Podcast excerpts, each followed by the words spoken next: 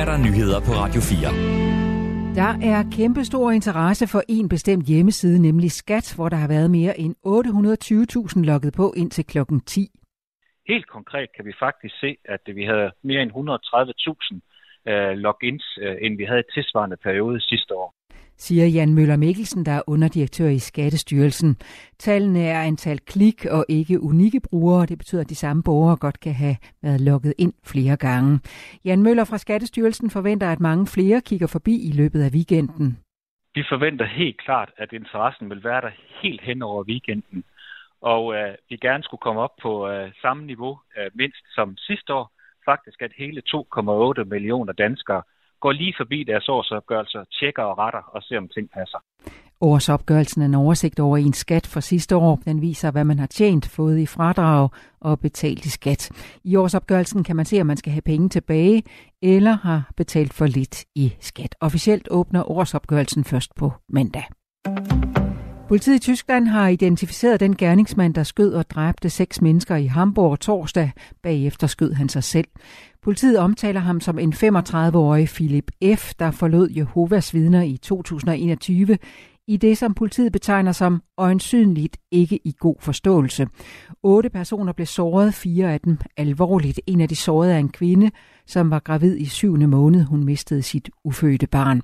Hamburgs indrigsminister Andi Grote siger, det er den værste forbrydelse i Hamburgs nyere historie. Det tyske politi efterforsker stadig drabene for at finde et motiv.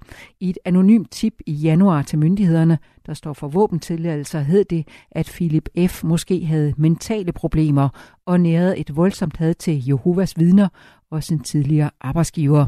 Den tyske kansler Olaf Scholz udtrykte i går sin medfølelse til offrene for skudepisoden. I starten af maj er de første af de omkring 100 Leopard 1-kampvogne fra Danmark, Tyskland og Holland klar til at bruge, oplyser fungerende forsvarsminister Troels Lund Poulsen fra Venstre. Han besøgte i går den virksomhed, der er ved at gøre kampvognene klar. Vi kan forvente, at vi kan levere et sted mellem 80 og 90 kampvogne her i løbet af 2023. Under besøget så han selv kampvognene. De blev udfaset i 2010 og skal igennem en ordentlig servicetur, før de igen er klar til kamp, siger Troels Lund Poulsen. Man skal jo først og fremmest være sikker på, at de mekaniske dele virker. Og så skal man selvfølgelig også være sikker på, at al den elektronik, der skal bruges, at den så også kan spille sammen med det system, der skal integrere det. Leopard 1-kampvognene har stået opmagasineret efter, at de blev udfaset og erstattet af en nyere model. Kampvognene skal først bruges til træningsmissioner af ukrainere. Et nyt butikskoncept er blomstret op og udvider hver eneste måned. De ubemandede butikker er populære. I byer med 40.000 eller færre indbyggere er hver femte dagligvarerbutik forsvundet i de seneste 10 år.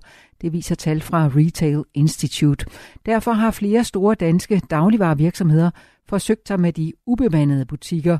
Også da Grofa, der blandt andet har menu, letkøb og min købmand, oplever stigende interesse for de ubemandede butikker, det fortæller kædeansvarlig for letkøb Kasper Kvist Rasmussen. Vi er selvfølgelig stadig ved at teste konceptet og teste potentialet for konceptet. Men det vi ser, det er, at vores ubemandede butikker er blevet taget rigtig godt imod af kunderne, som mener, at det, her, det er en smart og hurtig løsning som supplement til den bemandede butik. Fordi for os er det rigtig, rigtig vigtigt at sige, at i Dagrup, så tror vi selvfølgelig stadig på den fysiske købmand og nærværet og servicen i det. Men der er altså bare nogle områder, hvor at købmanden har været nødsaget til at lukke for nogle år siden, og det er her, vi ser, at det her koncept det vinder indpas. En ubemandet butik bliver drevet af en købmand i et nærliggende område, som jævnligt sørger for at levere varer til de ubemandede butikker og fylde op på hylderne, samtidig med at købmanden står for driften af sin egen butik. Selvom covid-19 måske føles som et overstået kapitel, så vil der komme flere pandemier i fremtiden, det siger Henrik Ullum, der er direktør for Statens Serum Institut i et interview med Politiken i dag. Vi kan på ingen måde ånde lettet op, selvom vi har har det lange stræk med covid-19 bag os, siger han. Han vil dog ikke sætte ord på, hvornår en ny pandemi kan forventes. Stigende temperaturer, krige og flygtninge kan give kommende pandemier bedre vilkår. Og så er vores måde at holde og omgå styr på en væsentlig risikofaktor, siger Ullum i interviewet, hvor han peger på fugleinfluenza som en fare. Nogen eller en del sol, men en overgang mere skyde med sne eller snudbyer fra vest mellem 1 og 5 grader, og vinden tiltager til jævn til hård fra vest og nordvest.